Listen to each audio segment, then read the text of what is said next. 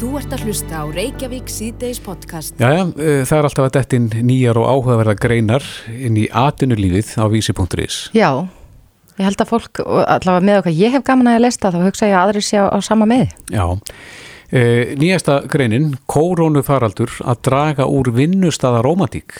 Þetta er, þetta er hliðaverkun á, á kórónuveru faraldunum. Já, sko vinnustæða romantík er náttúrulega eitthvað sem hefur bara líklegast alltaf verið til í aldan rás. Já, það er á milli vinnufélaga. Já, og bara þetta er staður, þú eigður oft jafnvel meiri tíma í vinnunni en, en heima hjá þér. Mm Þannig að, já. En uh, rittstjóri atunulífsins er Rakel Sveinsdóttir, sæl. Já, sælverðu. Hvað fekk ykkur til að skrifa um þetta? Í rauninni hérna höfðum við bara svolítið gaman af því að við sáum í viðskiptablaði Economist fyrir helgi að þeir voru að hafa áhyggjur af því að, að mælingar sem hafa verið að sína það síðust árin að, að svona vinnustada sambönd eigu undir högg að sækja miðað við allavega þær rannsóknir sem Stanford háskóli hefur staðið fyrir um, um árabeil að nú er uppi áhyggjur um að, að, að, að þessum samböndum fari ennfækandi vegna þess að fólk er ímist í fjárvinnu eða, eða rétt að hittast yfir spritbrúsum með tvekja metra fjallað og millu og jafnvel grímur þannig að, að það er svona kannski orðið svolítið erfitt bæða að daðra eða að draga sig saman. Já. Er þá verið að tala um ógift fólk?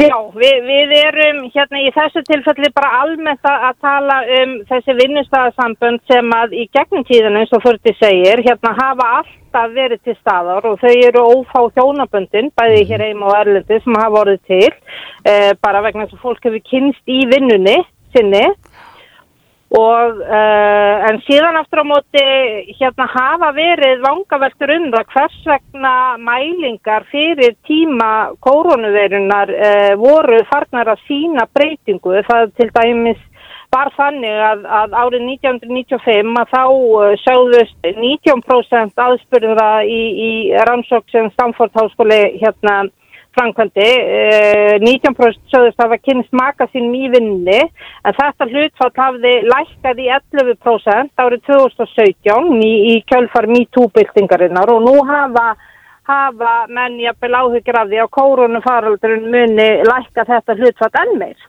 Já. En er, er þetta endilega heppilegt að fólk sé að draga sér saman á vinnustöðum?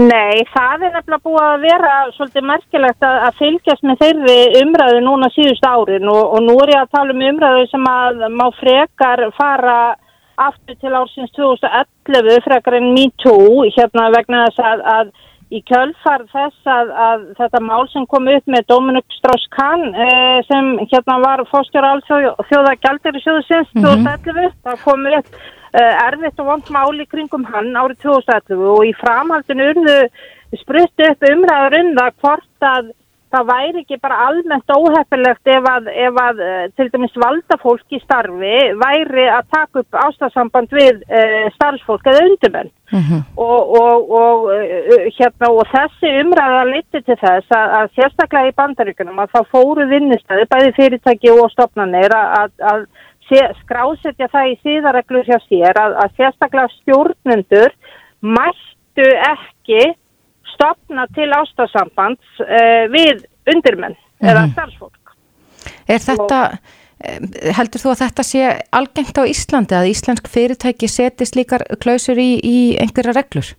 Nei, ég veit ekki til þess að, að, að einhver vinnustæði hér hafi skrásett þetta með svona formlegum hætti eins og margir hafa gett í bandaríkunum en, en ég hef aftur á móti eh, hérna upplýsinglu um það og það er ekkert öðruvísi hér heima og annar staðar að, að stundum hafa vinnustæði farið í gegnum erfileika þegar að, að sambönd verða til á vinnustöðum og ég tala nú ekki um þegar að erfileikar sko, eða sem sagt sambönd sem fara kannski illa að þá, þá geta uh, slík uh, hérna uh, sambönd leitti þess að það verða í rauninni erfileikar bara í teiminu öllu. Veist, þar sem að kannski einhver leiðindi smita út frá sér og, og fólk jafnvel að taka afstöðu og svo framvegis. Já. þannig að, að, að hérna, og síðan til viðbótar hefur það náttúrulega líka verið rætt þú veist, að, að stundum getur það leitt til hagsmuna árekstra og jafnvel vera að hampa sumum umfram öðrum hérna og svo framvegis ef að það eru sambönd að myndast mjög náið innan teima. Eru fyrirtæki fann að setja sér eitthvað síðareglur í auknum mæli í þessu? Uh, í bandaríkjum, já, klárlega, þar hérna er mjög sérstakkt mál til dæmis í gangi sem að domtekið í New York í síðustu viku og margir er að fylgjast með. Það var sem sagt þannig að fyrir tæpa ári síðan að þá var fórstjóri uh, McDonalds, hún var sagt upp vegna þess að þó hann væri fráskilinn og mikið hampað í starfi að þá haf, var þann uppvísaði að hafa verið í, í ástafsambandi með fremur konum, hvorki fleirinni færi í, í vinninu hjá sér sem voru þá undir menn og honum sem sagt hérna var sagt upp vegna þess að hann hefði hérna stofnum til þessara uh, sambanda sem að uh, var sem sagt fór þá gegn þeim síðarreglum sem hann hefði sjálfur uh, kvittað upp á þegar að, að hann var áðinn. Það, það var ekki þannig að þessa konur höfðu kvartað undan honum? Nei, það í rauninni var, hérna, var, var ekki, var ekki hérna, tilkynnt um, um þetta þannig, heldur engangu vísa til þess að, að hérna, svona sambund þar sem það væri í rauninni e, stjórnandi og í þessu tilfelli aðstu yfirmaður félagsins að hann sem sagt bara yfir höfuð hafði skrifað undir það hérna að, að stopna ekki til ástafsambanda við starfsfólk.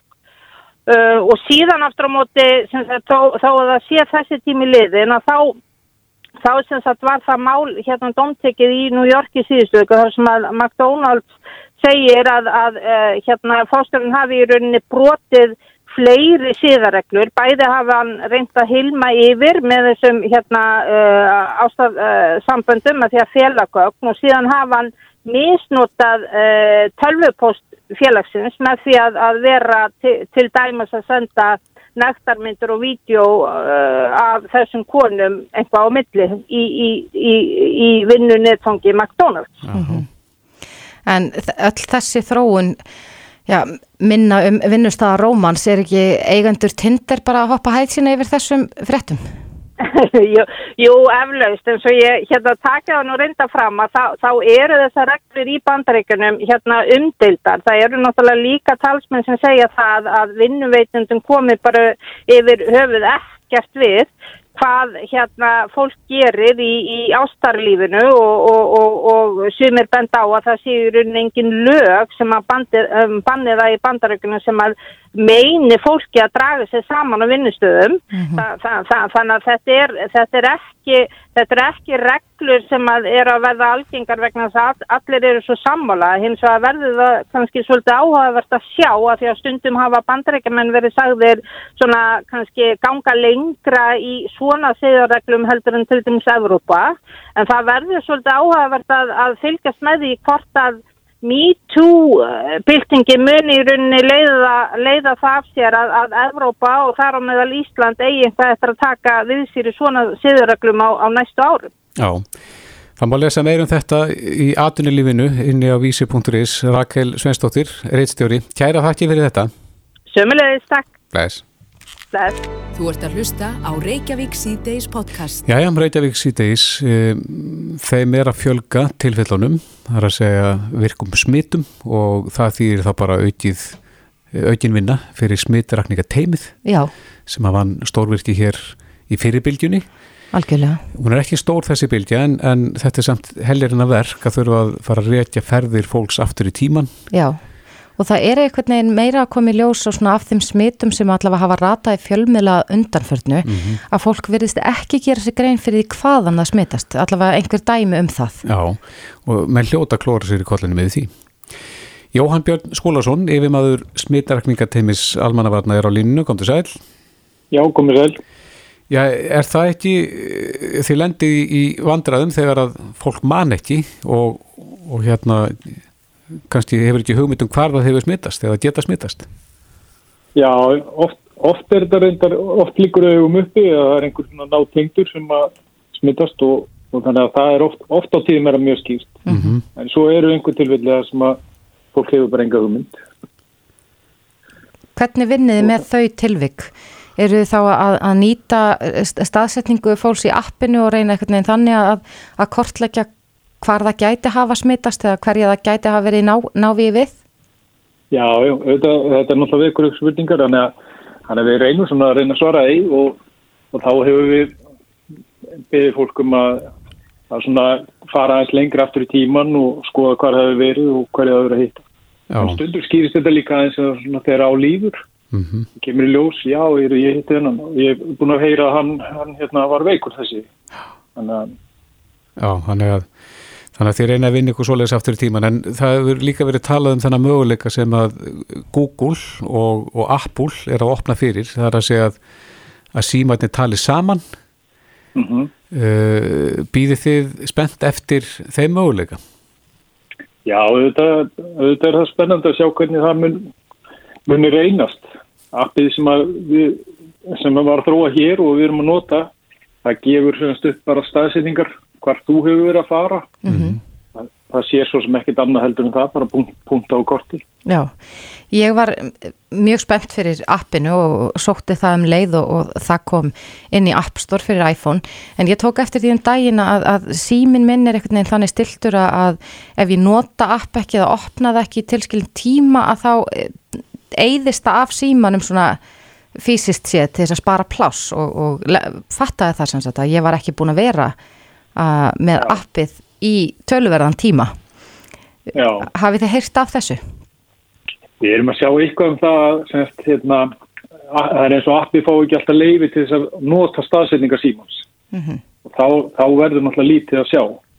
Þannig að fólk þarf kannski aðeins að fylgjast með því að, að það er hérna, það er hægt að stilla stillingar að leifa appinu að nota staðsetningar þegar það er í nótkun og síðan alltaf. Og þetta er náttúrulega ef það er e, leifið er alltaf að þá náttúrulega koma fleiri punktar Já, það fylgdi hérna, eða var í fréttum um daginn að 20.000 hafi hlaðið sem sagt appun af símonum og það voru svona tilgáttur um það að það getur verið ferðamenn sem að hinga komu en, en eins og Þórti segir að ef að þetta gerir sjálfkrafi í símonum að þá er þetta kannski eitthvað sem að þið þyrftu að skoða og fólk þyrftu að skoða þá í stillingunum í símonum sínum. Já, algjörlega. Ég er, samt, ég er svona, við erum meira vikt á þetta að, að stað, staðsýtningar sé ekki leiðar og, og þess vegna sé minnagögnum. En er aldengt þegar að, þegar að það kemur að því að, að nota staðsetningar appið að það sé til staðar? Já, það er meiri hlutin sem við erum að ræða við, erum með appið. Og það skilar ykkur, að það er aðstofar ykkur í, í þessari rakningu. Já, og það hefur komið svona, varandi þetta svona þess að rifja upp þessa daga, hvar, hvar þú búin að að fara og, og hverja þú búin að hitta. Það, það snýr nú aðalega því að, að semst, hverju eru útsettir fyrir smiti og þurfa, þurfa sótkvíð að halda. Já. Það geta svona rifja upp ferðir. Já, ég, ég fór þangað og hitti þessa Mm og það, það kemur svona. Hver, hver er hérna meðal tímin í að rekja hvern einstakling? Er þið búin að taka það saman? Nei, við nú ekki kannski tekið nákvæmlega saman. En þetta er náttúrulega, það er náttúrulega rosalega mikið eftir umfanginu og hversu marga við erum að fara að tala við. En við erum náttúrulega erum að gefa leifinninga varandi, varandi sótkví og við erum að gefa leifinninga varandi einokun. Þannig að þetta er, þetta er mörg símtöl og, og sumir að ágætlega löng. Já, við sáum hérna í fréttum í, í vora að, að auðvitað svona í takt við umfang uh, smitrækningar þá stækkar og minkar teimið sem þú stýrir. Hversu margir eru núna í uh, þín teimi? Ég hugsa að heild, eða svona, við erum svona 23 eða 25 núna. Mm og nákvæmlega við í sumar kom tímbila sem voru þrjú hérna. Þannig að við, þetta er sveiflast. Mest hefur verið 60 þannig að en þetta er verklega búið að þróast og þannig að ég sé ekki fyrir mér að við verðum, verðum aldrei svo mörg aftur en af því að þetta svona gengur betur núna eftir að Já. við að þróa Já, þið voru náttúrulega að renna blind í sjóin hérna á sínu tíma þegar að fyrirbylgjan reyði yfir en, en þið eru þá vantilega að, að nýta reynsluna frá, frá þeirri bylgju í dag. Já, bara, bara reynsluna bara nánast á hverjum degi. Það er alltaf eitthvað að bæta stuð og breytast og, og við sjálfa að reyna að bæta hvernig við vinnum. -hmm. Já, akkurat.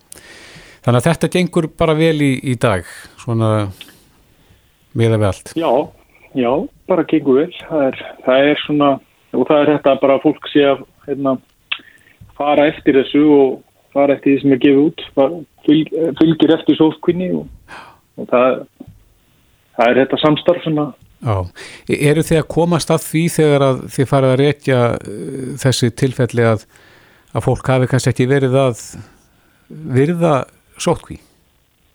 Nei, það er að vera mjög lítið um það. Já, þannig að fólk er, er hlýðið svona upp til hópa. Já, og, og fólk er mjög samvösku samt þegar kemur að þessu. Já, Við heyrum það bara á samtalunum að fó- fólk vil hérna, gefur góður upplýsingar og, og það er það sem að svona, ég veit ekki, þetta samstarf sem hefur gefið góður raun. já, Jóhann Björn Skúlason, yfirmaður smitrekninga teimis almannavarna. Við óskum ykkur góðs gengis og kærar þakkir fyrir þetta. Takk fyrir. Reykjavík síðdeis á Bilginni podcast. það brestur á eftir réttum tvo sólaringa, það er að segja nýja reglur Já. þegar að komið verður til landsins þá fer uh, fara ferðamenn, já allir bara saman hvort þau eru heimamenn eða ferðamenn í skimun uh, fimm daga sótkví eða alltaf fimm daga sótkví og síðan aðra skimun Já, og ég veit að, að fjölmarki gististæðir hótel og hann hafi verið að undirbúa þetta mm -hmm.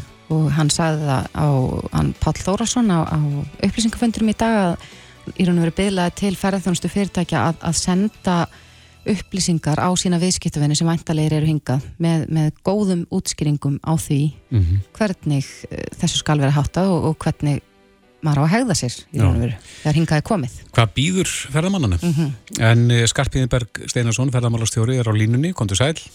Sæl. Þetta er skammu tími til stefnu, er ekki allt á fulli hjá ykkur að undirbúa? Jú, það hefur verið alveg frá því að första einn að, að það var ljóst að það að einlega þessar reglur að, að þá fór í gang skilgrinningavinna til þess að upplýsa ferðamenn og ferðarþjónustuna um það til hvers rætlast og, og það hefur tekist og við erum búin að vera að dreifa upplýsingum um þetta allt saman. Já, svona í uh, stórum atriðum, hvað, hvað er allast til að ferðarþjónustinni? Hvernig þurfa það að standa að málum? Sko, það sem að snýra sótkvíni er það að það þarf að bjóða fram aðstöðu og hótel og gististæði þarf að bjóða fram aðstöðu sem fullnæði þeim reglum sem er gildum sótkví.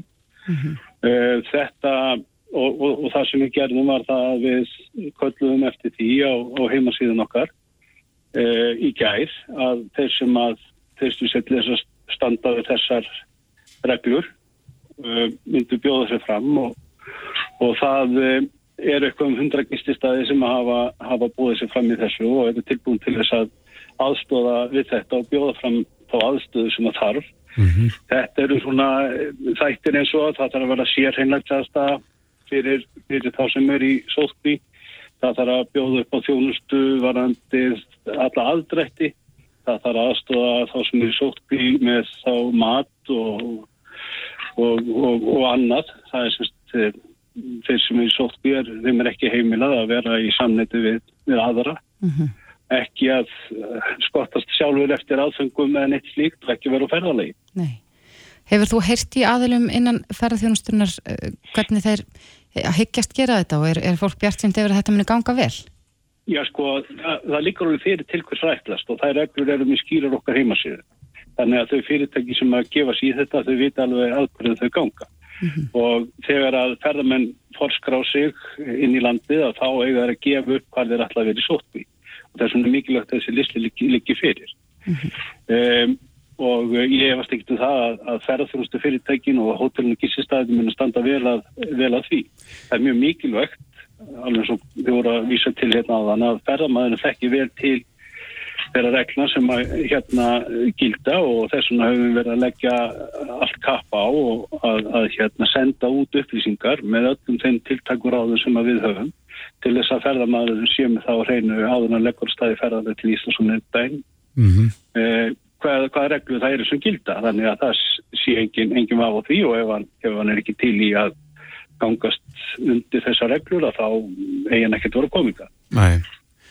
En er það er eitthvað... búið að senda býsta marga tölvupósta og, og, og, og við höfum bila til ferðarþjónustu fyrirtækja að, að senda á sína viðskiptamenn og þau hafa tekið því mjög vel og, og við vitum að það er mjög margi sem er að upplýsa ferðarlangana. Já, er eitthvað hvaðir á uh, hótelstarfsmönnum að, að upplýsa sína viðskiptavinum hvað má og hvað má ekki þar að segja það má, er það ekki mega ferða með fara í bíltúr? E eða? Þeir mega fara í bíltúr við tiltekna kringustæður ef þeir eru með aðganga bíl og fara í bíltúr einir. Á, eh, og eru ekki samneiti vaðra. Þeir mega, mega heldur ekki fara á fjölfarna ferðamannastadi eins og þingvelli eða, eða aðra slika staði. Þannig að þeir eru í sótkví, Mhm. það eru talsverða takmarkanir sem um það gilda. En fá ferðamenn eitthvað skona pappýra sem að þá staðfesta það að þeir séu búnir að setja af sér sótkvinna og, og skimun eða sem þeir geta þá framvísað það sem þeir koma? Já, þeir fá náttúrulega tilkynningu um það og uh, en það er ekki ferðarþjónustu fyrirtækjana að hafa, hafa, hafa eftirlit með einstökum ferðamenn sem til þeirra koma menn er ekki að þurfa að framvísa einhverjum, einhverjum vottorðum þegar er lappin á veitinguhús eða hvert það er þannig að, þannig að það, það verður ekkit slíkt og það er ekki verið að leggja þærpæðir á ferðarþjónustu fyrirtækjum að stunda sóttvarnar eftirlit í landinu Nei, það liggur í augum uppi að þetta er nú bisna heftandi fyrir fólk sem hinga kemur. Hefur þú heyrst að því að innan ferðarþjónustunar hafi fólk verið mikið afboka og hægt við að koma hingað út af þessum herstu reglum? Já, já, já, og það er almennt svona búist við því í ferðarþjónustun að þeir sem koma hingað vitandi af þessum reglum verði sára fáir. Þannig að það er ekki búist við því að það, að það verði einhver umfram eftirspurn eftir sótt kvíjar aðstöðu. Það er, ég held að það sé alveg á hreinu og já, þannig að þetta er... Já, það þarf vantarlega þá að, að varandi hótelin, þá þarf vantarlega að bera þessi aðfeng í hótelgestinni það ekki, þau þurfa að fá sendingar upp á herbergi og vantarlega það bara bankað og svo það stafsmæðurinn að fara. En, en þegar að stafsmæðurinn er síðan að fjarlæga eftir matin eða hvernig sem það er hluti úr hótelherbyggin þá þarf vantarlega við hafa eitthvað skonar sóttvarnir Já, þá, þá bara rennir, rennir hérna gesturinn vantanlega bakkanum fram á gang og, og lokar og síðan kemur stafsmæðurinn og sækir hann þegar, hérna þegar búið að loka. Já, akkurat. Þannig að það, það er mikilvægt að það herbergið aðstæðan sem að ferðamæðurinn hefur þurfi ekki þjónustu á meðan á sótkistundum. Mm -hmm. Eru þið búin að leggja mat á það hvernig þetta þróast? Það er að við hverju búist þið? Það má vantilega búast við fjölda afbókana? Sannlega og það er, það er nú þegar að byrja. Það er svona, viðbröðin eru að flug í dag og á morgun hérna eftirspiln eftir því jógst talsvert en ábókanir byrjaðar á, á flug sem er frá með nögnin. Mm, þannig að þetta hefur bein áhrif og maður getur séð það og, bara strax. Já, já, eins og ég sagði á þann almennt gerur fólk ferðarþjónust ekki ráð fyrir því að það verði margi ferðarmenn hérna eftir að þeir eru farnir sem komu fyrir, fyrir 19. Nei. En hundrað aðilar hafa gefið sér fram sem að segjast vera tilbúinir. Já, já. Er nöðsynlegt að skrási hjá ykkur áður en ef, ef maður ætlar að taka á móti gestum í sótkví? Já, það er mjög mikilvægt. Þannig að við getum upplýst þessi fyrirtæki og tekt að þau hafa aðgangað öllum þeim upplýsingum og kröfum sem um þetta gilda. Því það, er, það eru ríka skildur sem fyrirtæki gangast undir með að, með að bjóða fram sótkví húsnæði. Já, þeir sem skrási ekki hjá ykkur, eru þeir ekki þá hæfir til þess að taka móti gestum eða meiga ekki eða... Þeir kunna alveg vera hæfið til þess en, en, en hérna ferðamæðinu þarf að tilgreina hvað hann ætlar að vera í sótkví þegar það skráir sér inn í landið mm -hmm. og, og það, svo gisting þarf að vera á þessum lista. Já, akkurat. Skarpiðinberg Steinarsson, ferðamálastjóri, takk fyrir þetta. Takk. Hlustaðu hvena sem er á Reykjavík C-Days podcast. Reykjavík C-Days, aðeins að lúpínunni, hún er nú komin heldur betur inn á radar aftur. Já, við rættum nú aðeins um hana hérna fyrir helgi þar sem við vorum að tala um svona, já, það er mjög skiptar skoðanir á þessari plöntu sem að, að dreifi sér við það. Mm -hmm. hún er mjög döglega breið úr sér. Algjörlega. Og hefur, hefur enda fyrir ekki bundi saman svona örfókaland, sem, sem hefur verið mikið um sandfók. Já, en hann spáði hérna fyrir helgi að á næstu 50 árum verður lúpínan búin að breyða sér yfir raunnið á Reykjanesinu. Mm -hmm. Akkurat. En í dag vísi kom fram að, að sko, verið er að rannsaka hvort hægt sé að nýta íslensku lúpínuna drikkjar, til drikkjar og manneldis. Mm -hmm. Þetta er doktorsnum í matvælafræði sem að, að segir að þetta sé mjög verðmættaskapandi að finna nýtingu á þessari plöntu sem er svona víða Einmitt. á landinu. En uh, Ævar Jóhansson sem var mikill hugsunamaður, hann uh, sögð seiði úr lúpínunni uh, sem hann gaf sjúkum meðal hans til margar ára, ef ekki ára tuga. Mm -hmm. Hann er nú reynda fallin frá en, en sonur hans, Þórarinn Ævarsson, fyrirvirandi frangvandistur Íkja hjá Spaðanum í dag, pítsustanum, E, kannast vel við lúpinuna, Sæl Þórarinn? Jú, sælverið. Ja, hvernig hljómar þetta í þínu meirum að það sé svona verið að kanna kosti lúpinunar í dag? Ég held að það sé bara hérna alveg frábært sko. Ég er hérna að fylgjast með lúpinuna þessi mörg ár. Ég ólst nú upp við þessa, þessa blöndu inn á mínu heimili og maður svona heyrði svona sem brakki umræðilega allar og, og einn kenningi var svo að því hargerðar sem plantan væri. Mm -hmm því svona magnaðri segðu kemur út úr hennu og hérna er svona eitthvað sem að það sem getur að umönda þessi svona saman sem eftir milli og já þannig ég held að þetta sé bara mjög gott mm -hmm. En uh, pappiðinn hann fekkir það ekki vitrun í, í draumi? Jú, hann segði eftir sem hann saði mér og hann líka ásöður að eitthvað að skáltaði mig að hann dreymdi svona mjög skýran draum sem hann myndi mjög vel eftir dæna eftir og þetta er eitthvað sem gerist aldrei fyrir hann fyrir að síðar held ég sko, hann var aldrei að bönna drauma og þar fekk hann sem hérna, nákvæmlega leifinningar af því hvernig átt að sjóða segði þar sem lúpina var svona aðaljurtin á samt kvönn og nokkrum öðrum jurtum og hann sem hérna sögði þetta segði, fann hann var lúpinur út og þessar jurtir sem hann vant að vita og sögði segði og, og gaf félagi sínu sem var það langt leitur af ólaknandi grabbamenni segðið og hann brakkaðist allur þessi grabbamennsjúki dórindar ekkert lengur setna úr, úr ótengdu sjútumum En þetta svona spurðist út og, og hérna, fjöldi mann fólks var að drekka þetta og þetta var að fara að skipta 20.000 þannig að á mínu æsku heimili voru svona 200 lítur á dag. Já. Það voru hérna eldafinn var í gangi á sólaringin og, og það var að sjóða, sjóða, sjóða, sjóða og í svona ganni mínu að því að hrýndunni með hann þá hérna ágæðum svona slá saman hvað þetta geti verið mikið magn og þetta voru háttið 30 ára allt í allt sem að þetta stóði yfir Mm -hmm. en uh, þetta átti sér upp á átti sér enda það sem að kannski hérna var ekki alltaf jafn mikið sko, þetta byrjaði rólega og, og svo var það svona gamall hann í restina, það var kannski hérna ekki í summa afkost og var áður mm -hmm. þetta var yfir miljón lítra sem hann sögð Já og gaf hérna og þetta var þannig í dæmi að hérna það var fjöldi fólk sem kom aðeins, það var ekki einni þessu, það var landskapsstjóri og fleiri og fleiri aðeins sem að hérna lögðu hand og plóg í hundraðavís, það var fristús og þáfarsöp sem að var lokaði veira helgi og hann var sjálfbúðarlega sem týndu eitthvað óskapar magna af, af, lúpinurótu og þetta fór í gegnum flokkunum velarnir í fristúsinu og var hraðfrist eins og fiskflokk væri og, hérna, og geimt þannig og þetta var alveg mikið operation mm -hmm. en af því að það var aldrei nukka krónu fyrir þetta af neinum þá var þetta svona fattir samfélagt verkefni sem að hérna og það er sjálf þessi stórfengjast að fá að fylgjast með sem bara áhörðandi sko. Já, er lúpínu segið ennþá framleitt eftir þessari aðferð sem að fæðir þinn dremdi? Ekki svo ég veit, ég sá að ég er nokkur ára eftir selt í stórmarkvöðum í, í flöskum en það var nú þannig með þetta segið sem pappið að gera allavega eins og hann verið meina þá vildi að meina að það að sjóða það hratt og oft mm -hmm. og það geymdi sér ekkert voðalega vel mm -hmm. og tap, tapaði svona krafturum þannig að hann vildi nú hérna að meina það og það hefði bara verið að endalust að sjóða það sko. Það var að drekka það helst úr pottunum Já, en svo var komið sko annar svona frumkvöld sem að var að selja kittið í þetta. Og það var heldur miklu sniður þá varstu bara fengið svona eins og tepoka þurran pakka mm -hmm. með þurkaðri lúpinurót og þurkaðri kvönn og þurkaðum bergi sem var í þessu. Og svo óttu menn bara að sjóða heima það heldur segja hérna mikið sniður Já, já, en þessi draumur sem að eh, pappaðin dreymdi hver var það sem kom til hans í draumunum?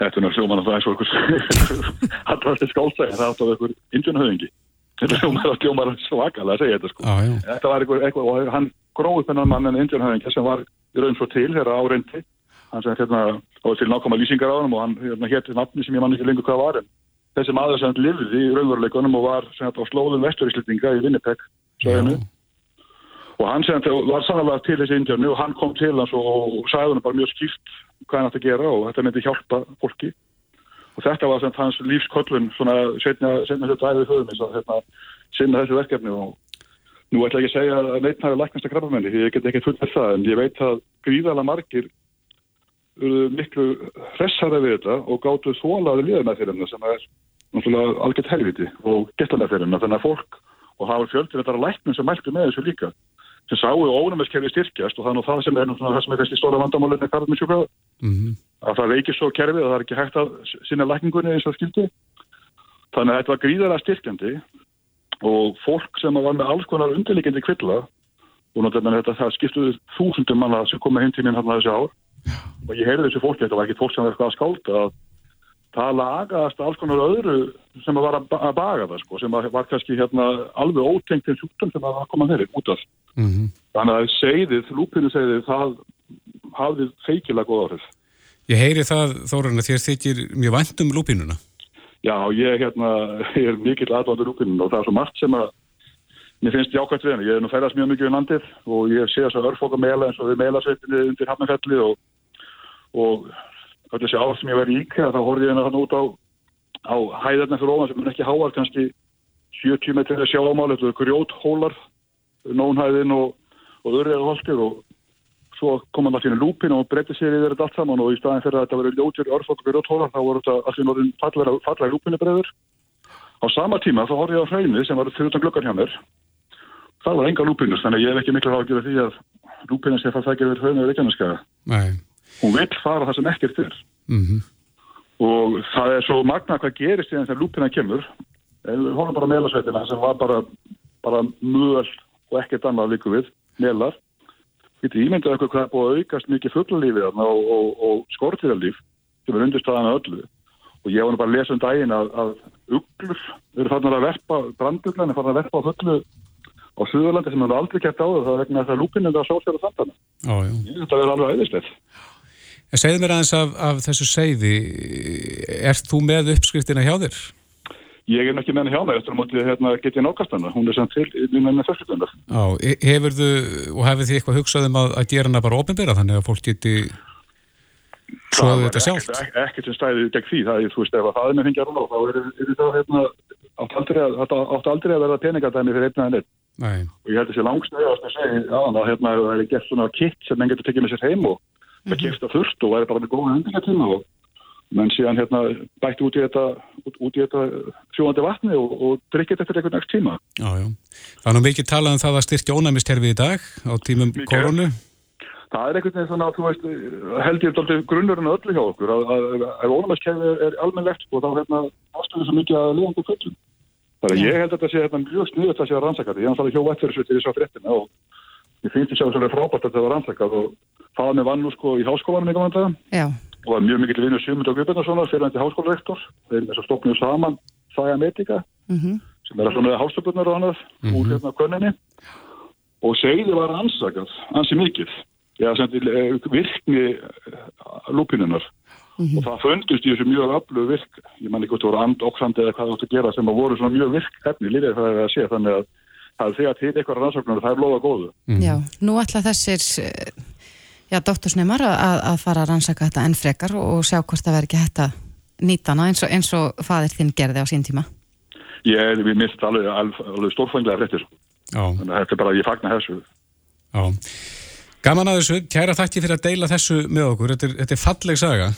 hún er mjög sérstaklega, hún er falleg því að það, hérna, það er ekkert með góðvilji sem er í gangi hérna Akkurat.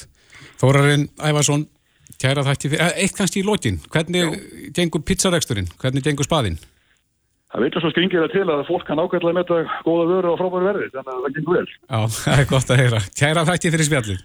Takk, takk. Reykjavík síðdeis á bylgjunni. Jæja, Reykjavík síðdeis, við vorum með svolítið skemmtilega könnun inni núna um helgina, Já, það sem vorum að nýsast inn í svefnarbreyti hjá fólki. já, má segja það. Já, en við spurðum sem sagt uh, hversu oft fólk skiptir um að rúminu og það kemur ljós að þetta er náttúrulega ímislegt sem að fólk svarar þarna.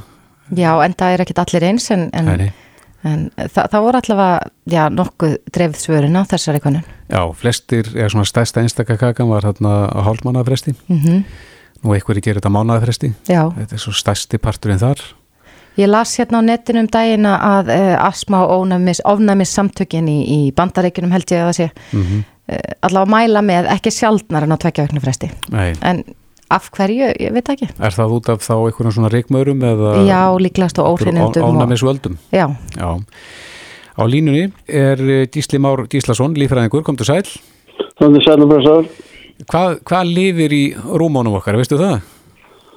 Já, já, það er hýmislegt sem er þar og meðal annars eru ríkmörar. Já, En sem betur fyrir eru þeir náttúrulega ekki mjög algengir, sérstaklega í Reykjavík.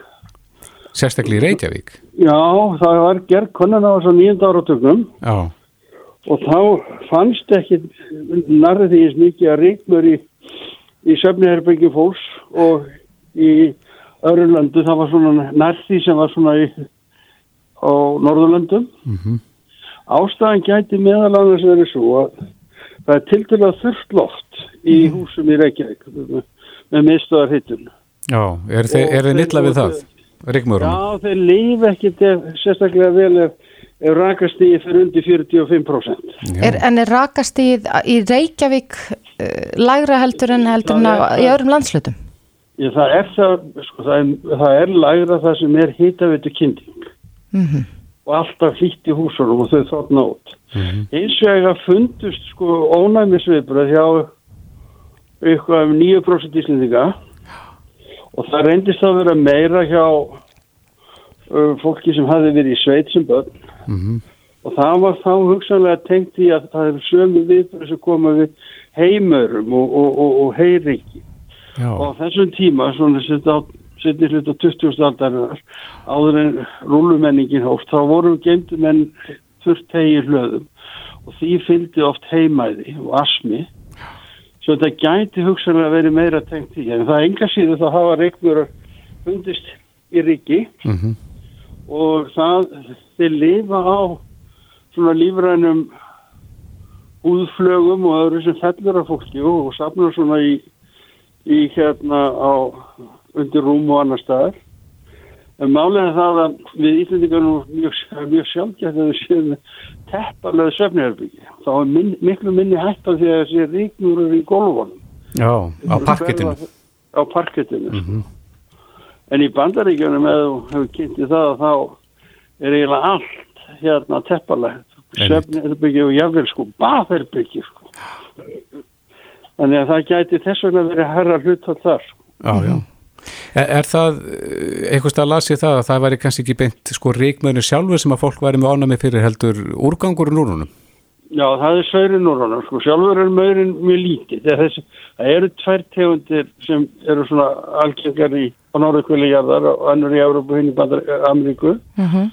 náskildar, svo það er, þeir eru 0,3 mm svona um það bil og skíturinn er miklu, miklu minni og hann er meira sér svo lítill að hann fer í gegnum alla ríksugupóka í sjálfur sér. Já. Já, Þannig að þegar þú ríksugar eh, þá ertu í rauninni bara að dreifa Það sörnum. gætir að vera að dreifa en þú tekur upp maurana og þú getur fækkað þeim að þú skiptir hendir pókunum nógu oft þannig að maurarnir ná ekki að fjölga sér inn í pókunum sko. en, en sér maður þessa maura, uh, get, getur maður séð þá í rúminu hjá sér?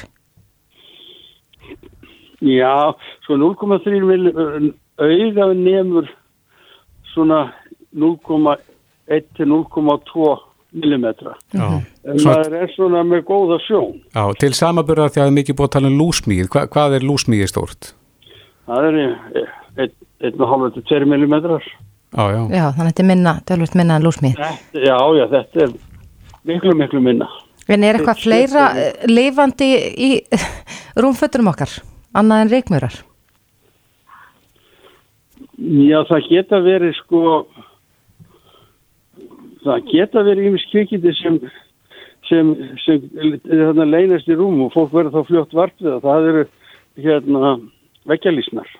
Það er, það, það er, voru, nú kominu hinga til alls og voru nokkuð algengar í lók 19. aldar sko, með kvalfengurum mm Mhm. voru hérna með stöðar svo tókst nú útrýmis þetta kemur alltaf upp öðru kvoru og hérna í þá með oftast með ferðamörum eða menn taka þetta heim til sín. Og þá bara um að gera að láta útrýmis eins og skota á þetta næra fjölga sér í húsónum það er slíkar er nú stóra sko, það er kannski já, 80 8-9 millimetra sko, það er, leinastu í, í dínunum síðan leyndist hér áður fyrir mannaflóin sem var mjög algeng fram eftir 20. stöldinni, hún leyndist í þessum heidínum og ölladínum og öðru og lirfurnar höfðu ná að geta þar en núna hefur má segja sér búið útrýma mannaflóni mannafló.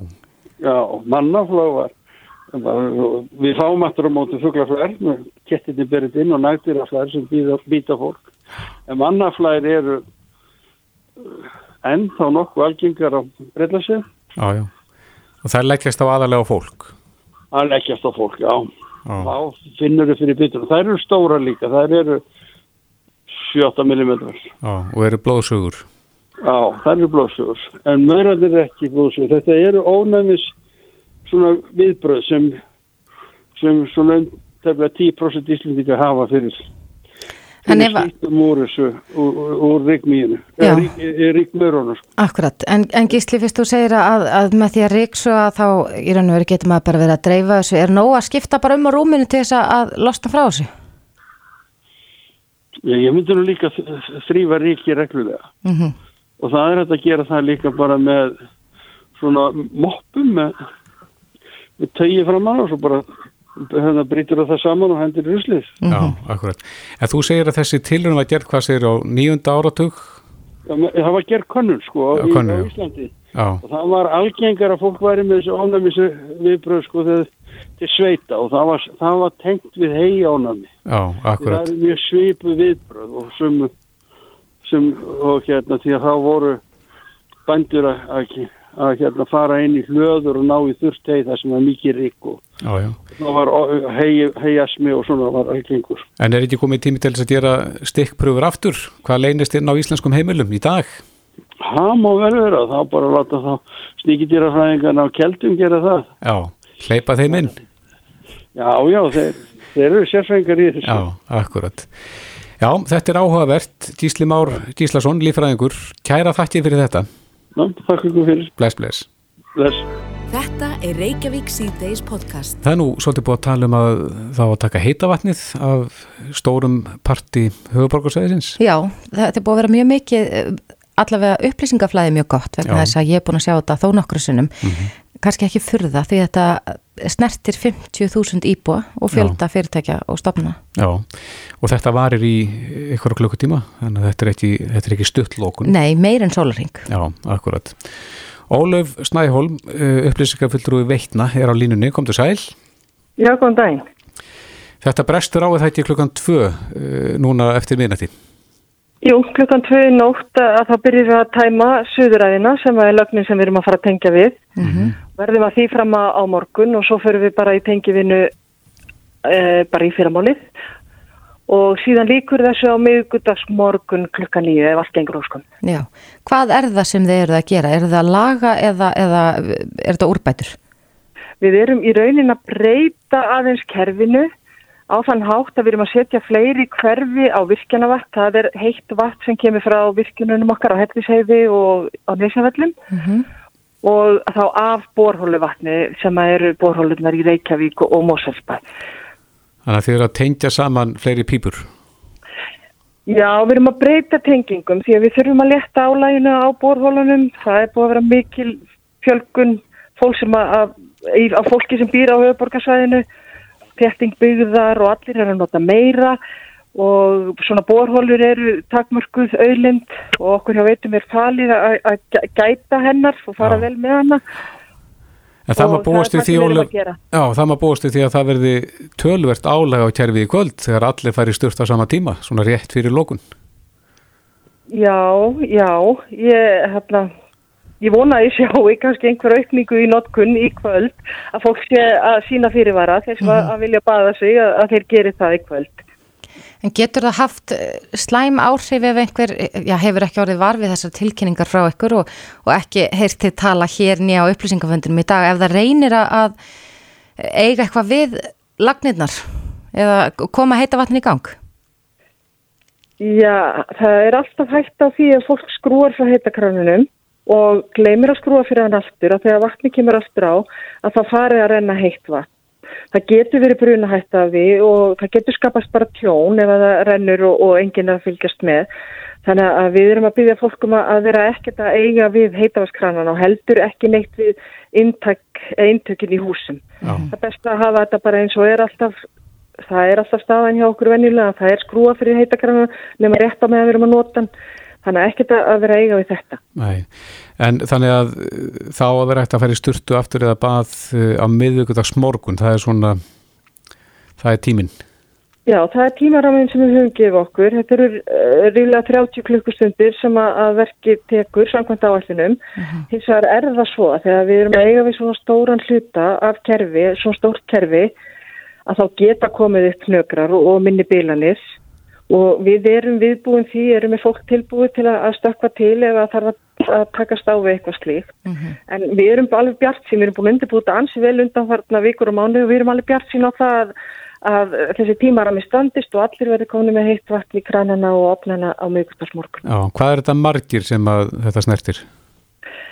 Þetta eru um 50.000 manns sem þetta snertir og, og náttúrulega fjöldi fyrirtækjastofnana. Já, Og þetta er í, í öllum hafnafyrir hlut af Garðabæ, Kópvogi og uh, Norlingaholti í Reykjavík. Reykjavík. Já, við erum búin að gera okkar allra, allra besta til að upplýsa vel um þetta og erum í rauninu búin að standa í því í nokkra vikur. Við hefum verið að ringja í það sem við kallum viðkvæma notendur. Það eru hjúgrunaheimili, hárgræslistofur, matvælafyrirtæki, sundlaugarnar og annað.